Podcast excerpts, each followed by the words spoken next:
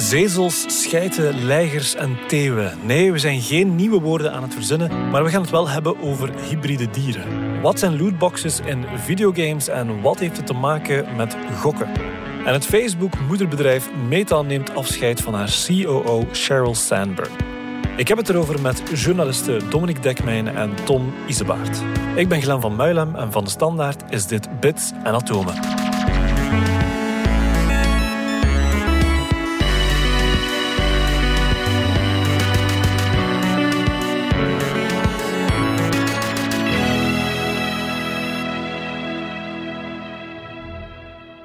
Pieter die zit deze week te zonnen in Italië. Daarom word ik deze keer bijgestaan door Tom Isebaert, wetenschapsredacteur. Tom, het gerecht is begin deze maand binnengevallen in een manege en daar werd een zezel ontdekt. Ik wist niet eens dat dat bestond. Ja, dat bestaat dus. Zezel, of je zou het misschien ook een Ezra kunnen noemen, uh, meer bepaald, het is een kruising tussen een ezel en een zebra. Waarom Zezel, waarom Ezra? Wel, de truc bij dat soort kruisingen is dat je de titel van de vader vooraan zet, een stukje van de naam van de vader vooraan zet en de moeder achteraan. Dus ofwel eh, de zet van zebra en de ezel van de moeder. Zo'n kruising, ja, dat eh, zijn twee verschillende diersoorten die het met elkaar doen en dan ontstaat er iets anders, iets tussenin. Ja een kruising of een bastard of een hybride in uh, netjes wetenschappelijke taal. Er zijn er wel een paar die iets bekender zijn dan de zezel. De, de muildieren bijvoorbeeld, dat is een kruising tussen een ezel en een paard. Een muilezel ook, maar dan papa en mama andersom. Dus het is niet zo dat die dingen helemaal onbekend zijn, maar een zezel, ja, dat, uh, dat komt niet elke dag voor. Waar vind je die? Ja, vaak ontstaan die in gevangenschap als twee dieren die eigenlijk niet echt bij elkaar horen, toch kort op mekaars vel zitten en dan gebeurt er wel iets wat. En dat, dan ontstaan er die uh, vreemde nakomelingen. Dus gebeurt vaak in gevangenschap omdat ze in de natuur elkaar niet tegenkomen of niet op elkaar uh, zouden afkomen. Er zijn nog, uh, behalve de zezel, nog heel veel rare combinaties. bijvoorbeeld een leiger, wat zou dat kunnen zijn, denk je? Denk een leeuw met een tijger. Een leeuw met een tijger, ja. en, en verander is papa en mama, wat krijg je dan? Papa en mama. Dus zet de tijger, tijger uh, vooraan en de leeuw van achter. Dan krijg je een, een theeuw. Hè? Een theeuw. Voilà. Dus die bestaan alle twee. De walfijn, wat zou dat kunnen zijn? Een walvis en een dolfijn. Een walvis en een dolfijn, inderdaad. Meer bepaald dat is dat... minder waarschijnlijk. Maar ja, toch. Dus het, het, is een, een zwarte zwaardwalvis, om precies te zijn. Uh, de vader in dit geval. En de dolfijn is eigenlijk een tuimelaar, uh, een soort dolfijn. Dus als die het uh, tot nakomelingen brengen, dan krijg je dus een, een walfijn. Het rare aan die walfijn, ik wil er een beetje meer uitleg over geven, is dat die, dat die zo netjes tussen de twee zit. Hè. De, de, die zwarte zwaardwalvis is bijvoorbeeld zwart. Die tuimelaar, die dolfijn, is, is grijs. En, en die walfijn is lichtgrijs eh, tussen de twee in. En heeft ook net het gemiddelde aantal tanden van zijn vader en zijn moeder. Dus dat is een mooi voorbeeld. Wie we nog hebben is, zijn bijvoorbeeld de scheiten. Mag ik dat woord even hier uh, live gebruiken? Ja, uh, schapen en geiten. Ja, schapen en geiten. Die zijn ontzettend uh, schattig, de fotootjes ervan. Super cute. Maar biologen zeggen toch wel van, ja, is het wel een echte hybride? Het zou ook kunnen dat het een, een, een schaap is met, met wat genetische bijzonderheden, wat afwijkingen. Dus niet, niet, geen echte kruising. Goed, zoals ik al zei, ze ontstaan vooral in gevangenschap. Maar uh, er zijn toch ook wel voorbeelden van in het wild ook. Zoals bijvoorbeeld de Pisley. Ik ga even de Engelse namen gebruiken, omdat die meer, ook meer courant gebruikt. De Pisley. Ik hoor daar sowieso een grizzly in. Ja, er zit een grizzly in, maar ook een polar bear. Ja. Blijft, alleen die ah, P blijft over. Dus een beetje, eh, misschien een vreemde naamvoering, maar goed. Een Pisley. En als we het daar ook nog eens omdraaien qua vader en moeder dan komen op de growlar, de, de grizzly en de polar bear. Dus, uh, ik weet niet hoe wij het in Nederlands zouden noemen. Eh, welke naam zouden jullie eraan geven? Um, ik dacht de grijsbeer. De grijsbeer, dat is een mooie, hè, maar uh, ja... Een ijsgrizzly? Of zoiets, ja. Maar in deze worden veel Engelse namen gebruikt. Zeg, we gaan er altijd vanuit dat die, dat die onvruchtbaar zijn en dat er dus niet nog meer van ja. die ijslies Dat is dus wel van alles mis met die hybriden. Hè? Want zoals Dominique al zei, één heel belangrijk kenmerk is dat die meestal, in de meeste gevallen, onvruchtbaar zijn. Dus ze kunnen zelf geen nakomelingen meer krijgen. Soms hebben ze nog andere afwijkingen. Hè. Bijvoorbeeld uh, onze zezel uh, heeft bijvoorbeeld last van dwerggroei. Die blijven een stuk kleiner dan, dan uh, hun ouders. Onze leiger, waar we het daar straks over hadden, die is groter dan zijn ouders dan weer. Zelfs in die mate dat zijn hart het niet kan trekken, dat hij vaak aan hartfalen bezwijkt. Hè. Terwijl de Theo, de vadertijger en de mama leeuw, die is dan weer kleiner dan zijn, uh, dan zijn ouders. Die hybriden, die, die, die kruising hebben toch vaak eh, wat uh, lichamelijke kenmerken die hen niet zo gezond maakt. En, en ja, als ze zich niet kunnen voortplanten, zijn ze natuurlijk wat dat betreft niet zo lang leven uh, beschoren. Doen we het soms met opzet, die dieren kruisen? Heeft dat een bepaald doel? Denk nog even terug aan het muildier waar we het daar straks over hebben. Een ideaal lastdier. Hè. We combineert het beste van een ezel en een paard. Maar bijvoorbeeld in Dubai is er een kwekerij van kamas. En kamas hebben niks met onze huistekenaar te maken. Maar dat is een kruising tussen een kameel en een lama. En waarom? Ja, het, lama, de lama-genen zorgen voor meer wolproductie. Ze kunnen er meer wol van halen. En uh, omdat een lama ook kleiner is, is uh, de kama ook een stukje handzamer, zeg maar, makkelijker. En je hebt er nog zo'n paar. De Buffalo. Niks met supporters van agent te maken, maar een kruising tussen een rund, een koe meestal, en een, een buffalo of een bison. Om meer vlees te krijgen. Het, geeft goed vlees, mager en lekker vlees. En het blijft zachtaardig. Je hebt het, het zachtaardige van de koe, niet het wilde van de, van de buffel of de bison. Hij wordt uh, in, in Amerika gekweekt om die reden.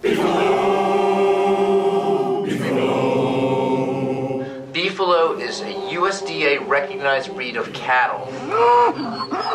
Beefalo is easier to produce with a smaller echo footprint. It's nutrient dense and its lean meat's exceptional flavor and texture is a best kept secret in the agricultural and health food world. In fact, the elite athlete, competitor, and bodybuilding world, it is known as the miracle protein. Life is about to change with the new miracle protein Beefalo. It's time to taste a healthy lifestyle today. Where can you get it? How can you get it? Give us a call at 800 492. Er zijn ook minder leuke aspecten van. Uh, we weten dat we in Vlaanderen terug een wolf hebben. Die zijn uh, in opmars in heel Europa eigenlijk. Maar die, die, beginnen ook te kruisen met de honden. Uh, verwilderde honden. En, en, dan ontstaan hybriden die we niet zo, niet zo leuk vinden. Waar we eigenlijk een beetje van af willen. Omdat die, de grens tussen wolf, het wilde dier en, en, en de hond, het gedomesticeerde leven. Dat die die grens doen vervagen.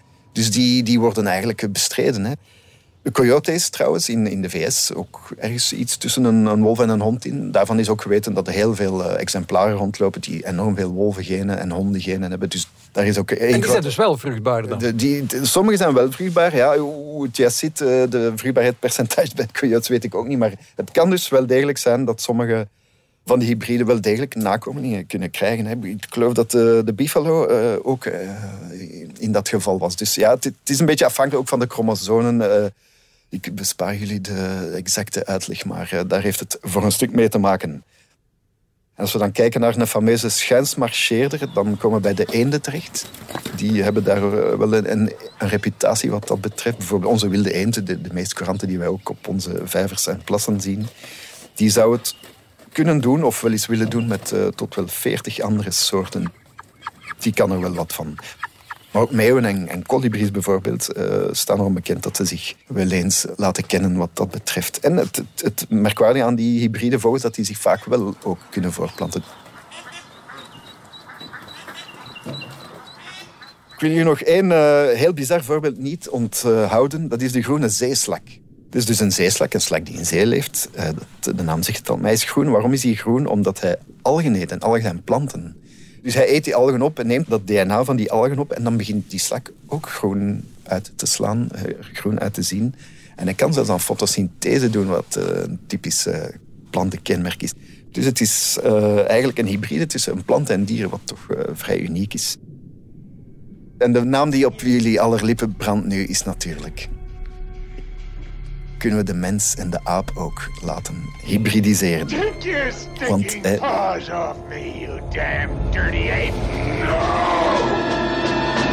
de chimporilla het bestaat niet, maar uh, het zou kunnen een kruising tussen chimpansee en een gorilla zijn. Maar de mens ja, heeft tenslotte enorm veel DNA gemeenschappelijk met de aap, hè, tot 86% of meer. Dus hypothetisch zou het misschien echt wel kunnen. Het is nog niet gebeurd, ik zal het maar meteen zeggen. Er is wel een Russische geleerde geweest, jawel. Een zekere Ilya Ivanov, die wou het gewoon eens uitproberen. Dat is ongeveer 100 jaar geleden, begin 20e eeuw, heeft hij vrouwelijke chimpansees uh, geïnsemineerd met uh, menselijk sperma. Maar er is niks van gekomen. Allee, we hebben toch geen weet van enige geslaagde resultaten. Dus wellicht is dat niks geworden. Misschien maar best ook, want wie weet welk creatuur zetten we daarmee op de wereld. En het was misschien niet zo fraai geweest. Bright eyes is remarkable. See? He keeps pretending he can talk. He keeps trying to form words. You know what they say. Human see, human do.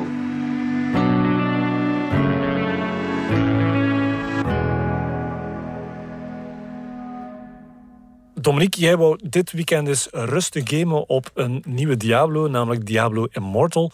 Maar plots merkte je op dat het spel niet eens beschikbaar is in België. Hoe komt dat? Het is niet helemaal, het is niet helemaal zo gebeurd, maar het, is, het klopt inderdaad dat Diablo Immortal, wat toch de game release van, van de week was vorige week, uh, dat dat niet uitkwam in België. Ik geloof dat de journalisten van, van de, de website Tweakers waren die dat eerst hebben opgemerkt. Ja, al op voorhand eigenlijk al van, hé, hey, dat gaat hier niet uitkomen. En uh, wat bleek inderdaad, dat ze dat bij uh, Activision Blizzard, de ont ontwikkelaar, uitgever van het spel, dat ze dat inderdaad toegaven van ja, we gaan dat spel niet uitbrengen in België en Nederland. En ze wil niet helemaal zeggen waarom dat zo was.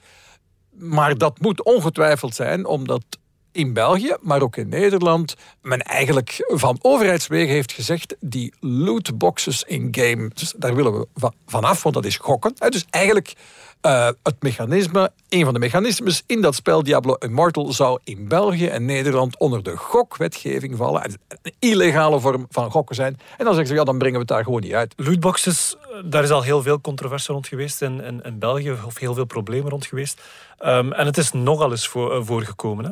Het is te zeggen, het is te zeggen. Dit is, dit is eigenlijk toch wel een, een beetje iets anders. Dus uh, een viertal jaar geleden, Koen Geens was toen minister van Justitie, die vond inderdaad dat een aantal games mechanismes hadden die te veel op gokken leken. En dan uh, hebben we het over die lootboxes, die niet elk spel een lootbox heten, maar het is een gelijkaardig mechanisme waarbij dat je aangemoedigd wordt tijdens het spelen of bij het begin van het spel om iets te kopen binnen het spel. Vaak is dat binnen een gratis spel. Het spelen is gratis. Free to play heet dat dan. Maar je wordt aangemoedigd om iets bij te kopen. En dan is de vraag, wat krijg je voor je geld? Op zich is het niet fout van dat je een spel gratis weggeeft en je geeft de mensen dan de, mogelijkheid om iets te kopen binnen dat spel. Dat is helemaal ingebeurd. Uh, Fortnite is daar volledig opgebouwd. Een absolute miljardenbusiness wereldwijd al jaren. Terwijl het spel op zich gratis is. Maar je betaalt dan extra om je figuurtje er een beetje uh, leuker te laten uitzien. Maar de, de meer controversiële dingen zijn aan de ene kant dus uh, als je eigenlijk moet gokken want je wilt bijvoorbeeld dat specifieke mooie pakje of dat mooie geweer of dat mooie zwaard voor je, je figuurtje in het spel. Maar je weet niet dat je het gaat krijgen en dan koop je die ene box en het zit er niet in. En dan koop je er nog een en het zit er nog niet in. En zo kan je bezig blijven. Dat is echt wel een gokmechanisme. Uh, het andere wat, wat, wat, gamers niet zo waarderen, is dat als je die, die uitgave ook werkelijk moet doen om te kunnen winnen. Als, het, als je eigenlijk kansloos bent zonder te betalen. Dan noemen ze dat pay to win. Hè? Dus je moet eigenlijk... Spelen is gratis, maar winnen kost geld. Dat, dat hebben mensen ook niet graag. En dat zat hier ook een klein beetje in. Dus je betaalt geld, maar je weet niet wat je gaat zien als die doos open gaat. En die gaat dan vaak met wat uh, speciale effecten open. Er is wat spanning rond. Dat moet allemaal een klein beetje lotto of loterijachtig aanpakje openen. En dat werkt. Dan heeft dus België gezegd... Nederland was eigenlijk eerst, paar weken van elkaar, als ik me dat uh, goed herinner, een jaar of vier geleden, in 2018 was dat. Ja, bij ons was dat dan de kansspelcommissie, die dat op, op vraag van de minister is gaan onderzoeken. En heeft gezegd van, ja, inderdaad, in een aantal games, en onder meer uh, Counter-Strike, Global, Global, Offensive is dan genoemd, maar FIFA bijvoorbeeld ook, uh, twee heel veel bij ons gespeelde games, heeft me gezegd, ja, kijk, die specifieke mechanismes in die games, die mogen bij ons niet. Wij vinden dat uh, een vorm van gokken niet, niet is toegestaan. En dus dat moet eruit. In Nederland is dan uh, ook nog een zaak geweest... waar dat de plaatselijke kansspelcommissie dan FIFA beschuldigde van illegale lootboxen. En daar heeft uiteindelijk heel onlangs, dit jaar nog... een rechter uiteindelijk beslist van... nee, dat systeem in FIFA, dat is toch geen gokken. Het is allemaal geen uitgemaakte zaak dat die games, als dat dan ooit voor een rechter komt, dat die rechter dan inderdaad gaat zeggen het is gokken. Maar uit voorzichtigheid worden een aantal van die mechanismen van de markt gehouden. Wat nieuw is nu, is dan een spel waar uh, toch heel wat mensen op zaten te wachten. Ik ben zelf uh, geen kenner van het genre. Ik was er zelf niet zo mee bezig. Maar, maar die Diablo-games zijn toch al veel jaren heel populair. En dus ja, dat spel, heel veel mensen gingen er dan gewoon vanuit van, oh ja, volgende week komt het uit. En op het laatste moment blijkt dat ze dat spel absoluut niet uitbrengen in België en Nederland om die reden. Het feit dat het niet uitkomt, dat is dan enigszins relatief. Belangrijk punt om te maken is dat dit een mobiel spel is. Diablo games zijn in de eerste plaats PC-games, die later ook op console zijn uitgekomen. Maar dit, dit, is voor deze dat ze een mobiele titel hebben. En in die mobiele games is het wel zo Mensen betalen niet zo gemakkelijk voor een mobiel spel. Hè. Dus dat, dat, dat, idee om te zeggen, we, we, maken een gratis spel en we verdienen dat dan later wel bij, dat is wel heel aantrekkelijk. Dus wellicht daarom dat Activision Blizzard dus voor dat mechanisme is gegaan.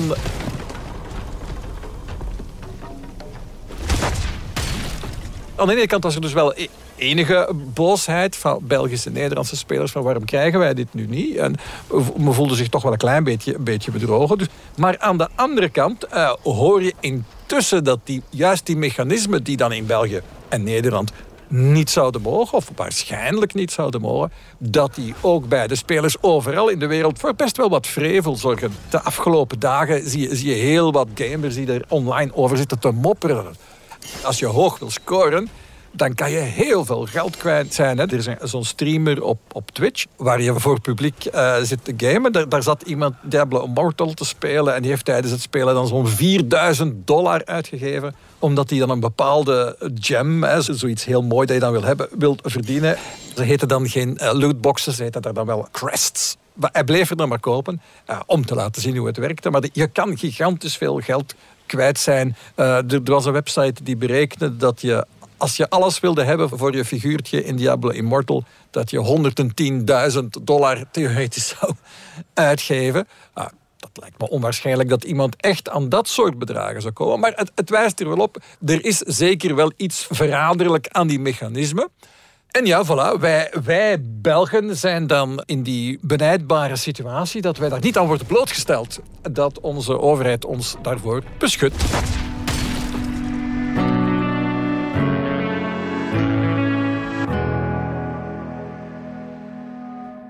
Iets helemaal anders.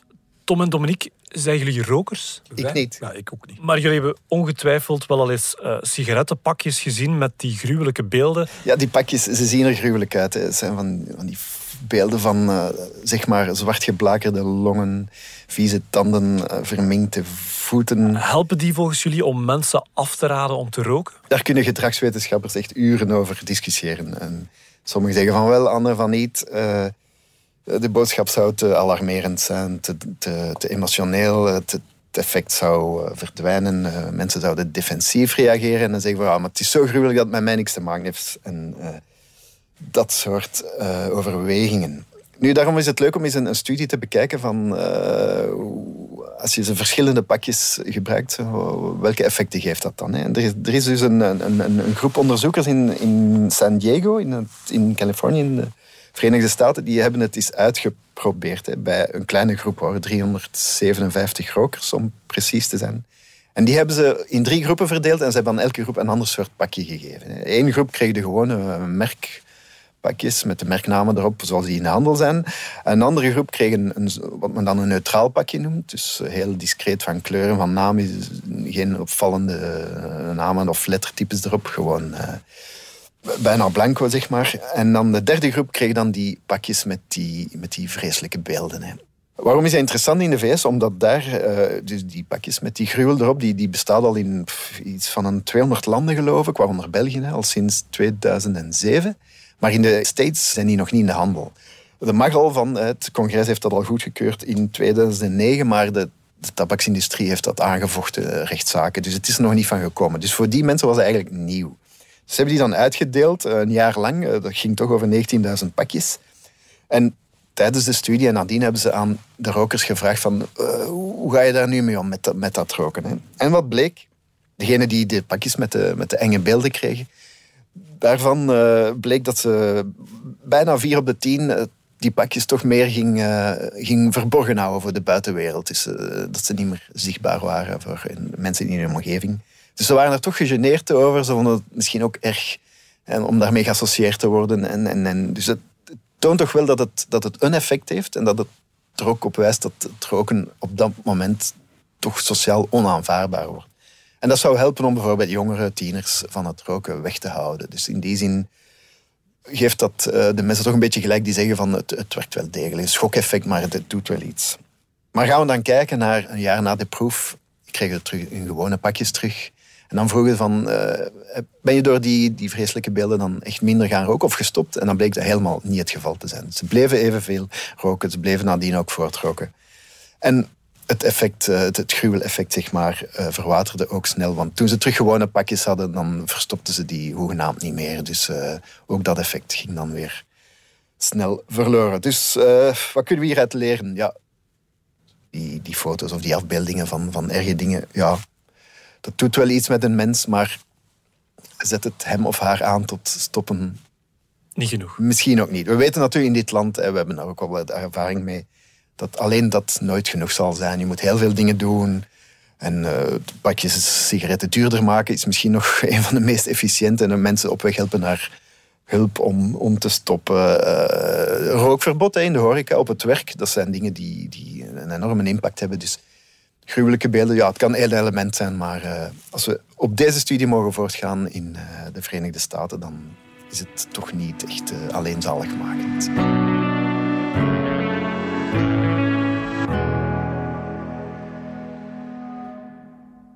Dominique, het grote nieuws in jouw sector was dat Sheryl Sandberg, de COO of Chief Operating Officer, bij Meta onlangs is opgestapt. Maar is, is dat eigenlijk bijzonder dat die COO opstapt? Ik denk, ik denk de, de, de rol van Sheryl Sandberg uh, is gigantisch uh, onderschat uh, hier. Ze is, is, hier niet zo bekend, maar in Amerika was die vrouw echt dat was een feministisch icoon. Het was een van de weinige vrouwen in Silicon Valley die zo zichtbaar, zo succesvol waren.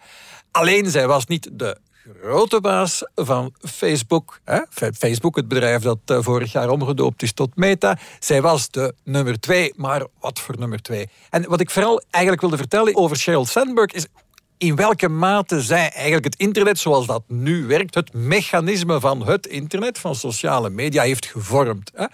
Want eigenlijk het, hele internet is gebaseerd op dingen die je voor niks krijgt. En dan zeggen privacy-activisten dan onmiddellijk... ja, natuurlijk betaal je wel voor al die gratis dingen op het internet... want je betaalt met je data, je gegevens. Hè, die worden gebruikt, doorverkocht, gebruikt om je advertenties te tonen. Wel, dat hele reclamemodel van het internet... Ja, het begon natuurlijk met gewoon banners die je op het internet zag. En daar heeft zij dan niet echt iets mee te maken. Maar gepersonaliseerde reclame op internet is eigenlijk iets waarin dat zij een sleutelfiguur is geweest. Eerst bij Google, hè, daar komt zij vandaan. Bij, bij Google stond zij, was zij een van degenen die dat model heeft uitgebouwd men ontdekte dan, wat, wat kon je doen op, op de Google zoekmachine? Ja, als je op de Google zoekmachine komt, eerst dachten mensen ook van hoe, ga je nu in godsnaam ooit geld verdienen met een zoekmachine? Toen kwam het idee van ja, als je zoekt naar een paar schoenen, ja, dan ben je waarschijnlijk uh, geïnteresseerd in het kopen van een paar schoenen. Je zoekt naar auto's, je bent geïnteresseerd in het kopen van auto's. Dus wij weten wat die persoon op dat moment echt wil. En dan verkopen we hem daar één, ja, in het begin één en dan twee. En ondertussen, hoeveel advertenties staan er op een Google-zoekopdracht? Ah, het zullen er wel een vijftal zijn. Uh, overal in een hoekje zit, zit wel ergens iets betaald. Zo'n zoekmachine bleek een gigantische geldmachine. Daarin heeft uh, Sheryl Sandberg een sleutelrol gespeeld. Dan wordt zij weggekocht door het pas opgestarte uh, Facebook, door Mark Zuckerberg, de oprichter. Nu, die Mark Zuckerberg is eigenlijk alleen maar geïnteresseerd in het maken van een fijn stukje software dat door zoveel mogelijk mensen wordt gebruikt. Hij wil de wereld veroveren met zijn software. Hij zit niet zo meteen in zijn hoofd met ik wil direct miljardair worden. Uh, dat is dan misschien mooi meegenomen, maar hij was eigenlijk vooral bezig met die technische kant, dat ontwikkelen van dat sociale netwerk. En dan haalt hij iemand binnen die al de rest moet doen. En al de rest is dus de opdracht eigenlijk van Sheryl Sandberg bij Facebook geweest, al die jaren.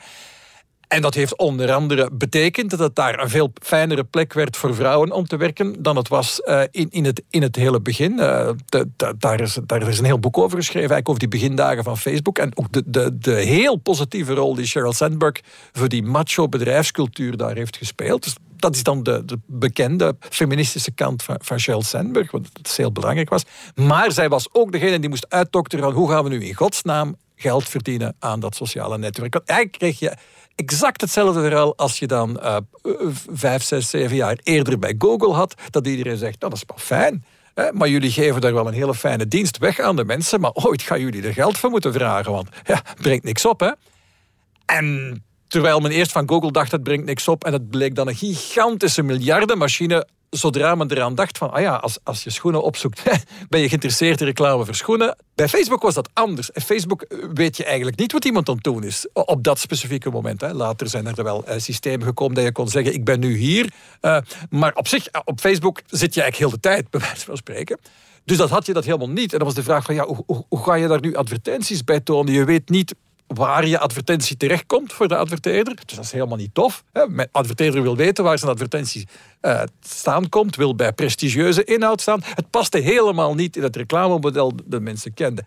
En toen heeft Sheryl Sandberg bij Facebook dat model uitgewerkt, uh, wat fenomenaal uh, succesvol is gebleven. Dat is het idee van, kijk, wat weten we eigenlijk? We weten wat de mensen hun interesses zijn. We weten wie hun vrienden zijn. En hun vrienden hebben dan misschien dezelfde interesses, zonder dat ze het al duidelijk hebben laten merken. En we gaan exact die juiste paar mensen die je wil bereiken, een kleine groep, een heel specifieke groep mensen bereiken die net geïnteresseerd zijn in wat je aan te bieden hebt. En specifiek voor, hele, voor kleine adverteerders die eigenlijk nergens met uw reclamegeld naartoe kon. Wie geen budget had, hè, wie geen geld had om een advertentie te plaatsen in de krant, waar kon die naartoe? Ja, misschien ja, een, klein, lokaal blaadje misschien. Hè. Misschien uh, een lokale voetbalclub sponsoren, maar een advertentie plaatsen, en zeker geen video-advertentie, er was geen plaats voor. Facebook kon je dan zeggen van ja, maar ik wil het nu eigenlijk alleen maar tonen in de mensen in, uh, in Antwerpen, of in die wijk van Antwerpen, of die daar komen en die van die leeftijd zijn. En ja, god, het is toch eerder iets voor hippe mensen. Ik, zoek dan mensen die eh,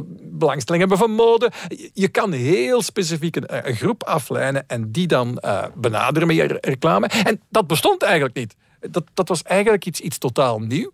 En ongelooflijk succesvol. En als Sheryl Sandberg dat niet had uitgevonden, dat niet naar Facebook had gebracht, dan is het goed mogelijk dat met Facebook zou zijn gebeurd wat iedereen op voorhand dacht, namelijk ja, op een bepaald moment eh, brengt het dan niet genoeg geld op en moeten ze dan geld vragen voor een abonnement op Facebook en de mensen gaan dat niet willen en dan komt er weer iets anders in de plaats. Dan hadden we misschien niet meer over Facebook gepraat.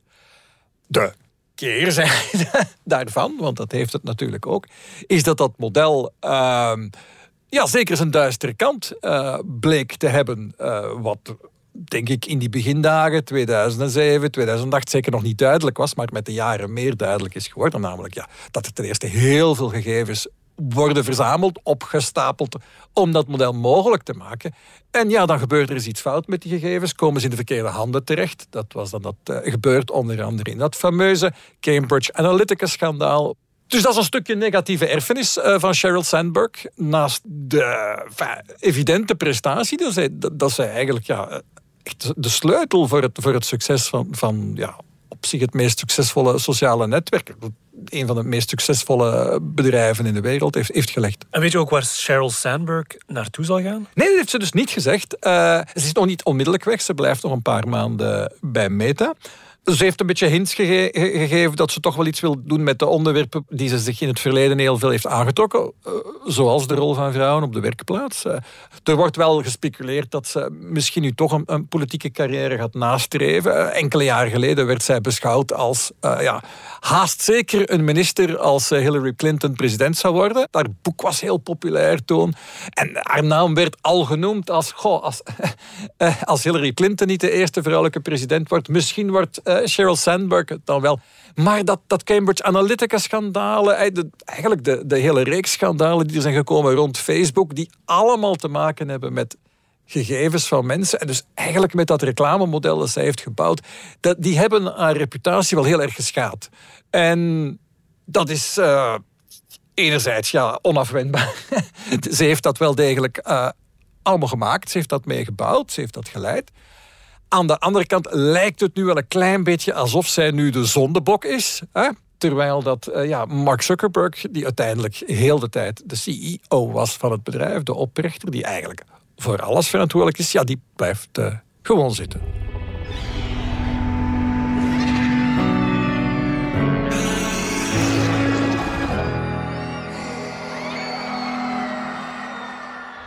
Tom, jij hebt ook een eh, dino meegebracht. Het zal wel zijn. Ik weet niet of jullie de film Platvoet en zijn vriendjes kennen. Misschien zelf gezien als kind of samen met je kinderen bekeken. Dat is de Nederlandse titel van Land Before Time. Een heel mooie animatiefilm uit 1988 alweer. En met een stuk of twintig sequels, geloof ik. Uh, enorm gemerchandised en uh, fantastisch succes. Uh, dus veel geld in het laadje gebracht. Maar ik moest aan die, die naam Platvoet denken toen ik dit bericht las. Hè. Want dit gaat eigenlijk over een, een mankepoot. In Spanje, in Las Ojas, als ik het goed uitspreek hebben onderzoekers eh, voetafdrukken gevonden van een, een bepaald soort dinosaurier. Meer bepaald een tweepotige, dus een, een, van de groep van de Theropoda in uh, vakjargon. 129 miljoen jaar oud, niet niks. Daar was iets mee met die, met die sporen. Die waren een beetje asymmetrisch. ze dachten van, komt dat nu van verschillende exemplaren? Of was het toch maar van één dier? Ze hebben daar dan hoogtechnologisch materiaal en onderzoek op losgelaten met 3D-scans en uh, wat is het allemaal. En toen hebben ze gezien dat dat patroon toch van één uh, dier afkomstig was, maar er was iets mis mee. Zijn linkerpoot, dus, uh, dus twee poten, de linkerpoot daarvan, die hebben alle twee elke drie tenen. De binnenste teen, zeg maar, daarvan was misvormd. Dus die was een beetje naar, naar achteren geklonken. En daardoor had hij een heel andere stap, een, een heel andere tred dan zijn soortgenoten. En ze hebben dat dus uit die sporen kunnen afleiden dat dat dier toch best wel zijn, zijn plan kon trekken, uh, ondanks die misvorming. Is dat nu belangrijk? Misschien wel, want het is een soort afwijking die ze vandaag bij onze huidige vogels ook zien. En het, wijst er nog maar eens op dat dino's en vogels verwant zijn. Zo, zowel, uh, is die van ettelijke miljoenen jaren geleden dat dat toch nog een beetje zichtbaar is, soms in soorten die vandaag leven. Het dier was vijf ton zwaar, zes à zeven meter lang en hij kon toch nog vier kilometer per uur lopen. Dus hij ja, ik kon zijn streng nog trekken, ondanks zijn pijnlijke voet.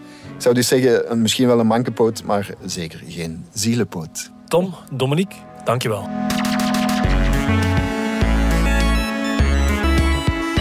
Dit was Bits en Atomen, de wekelijkse podcast over wetenschap en technologie. Bedankt voor het luisteren. Ken je trouwens DS Podcast, de nieuwe podcast-app van de Standaard al? Daar luister je niet alleen naar onze journalistieke reeksen, je krijgt ook elke week een eigen handige selectie van de beste nieuwe podcasts op de markt. Alle credits van de podcast die je net hoorde vind je op standaard.be/slash podcast. Reageren kan via podcast.standaard.be. Volgende week zijn we er opnieuw.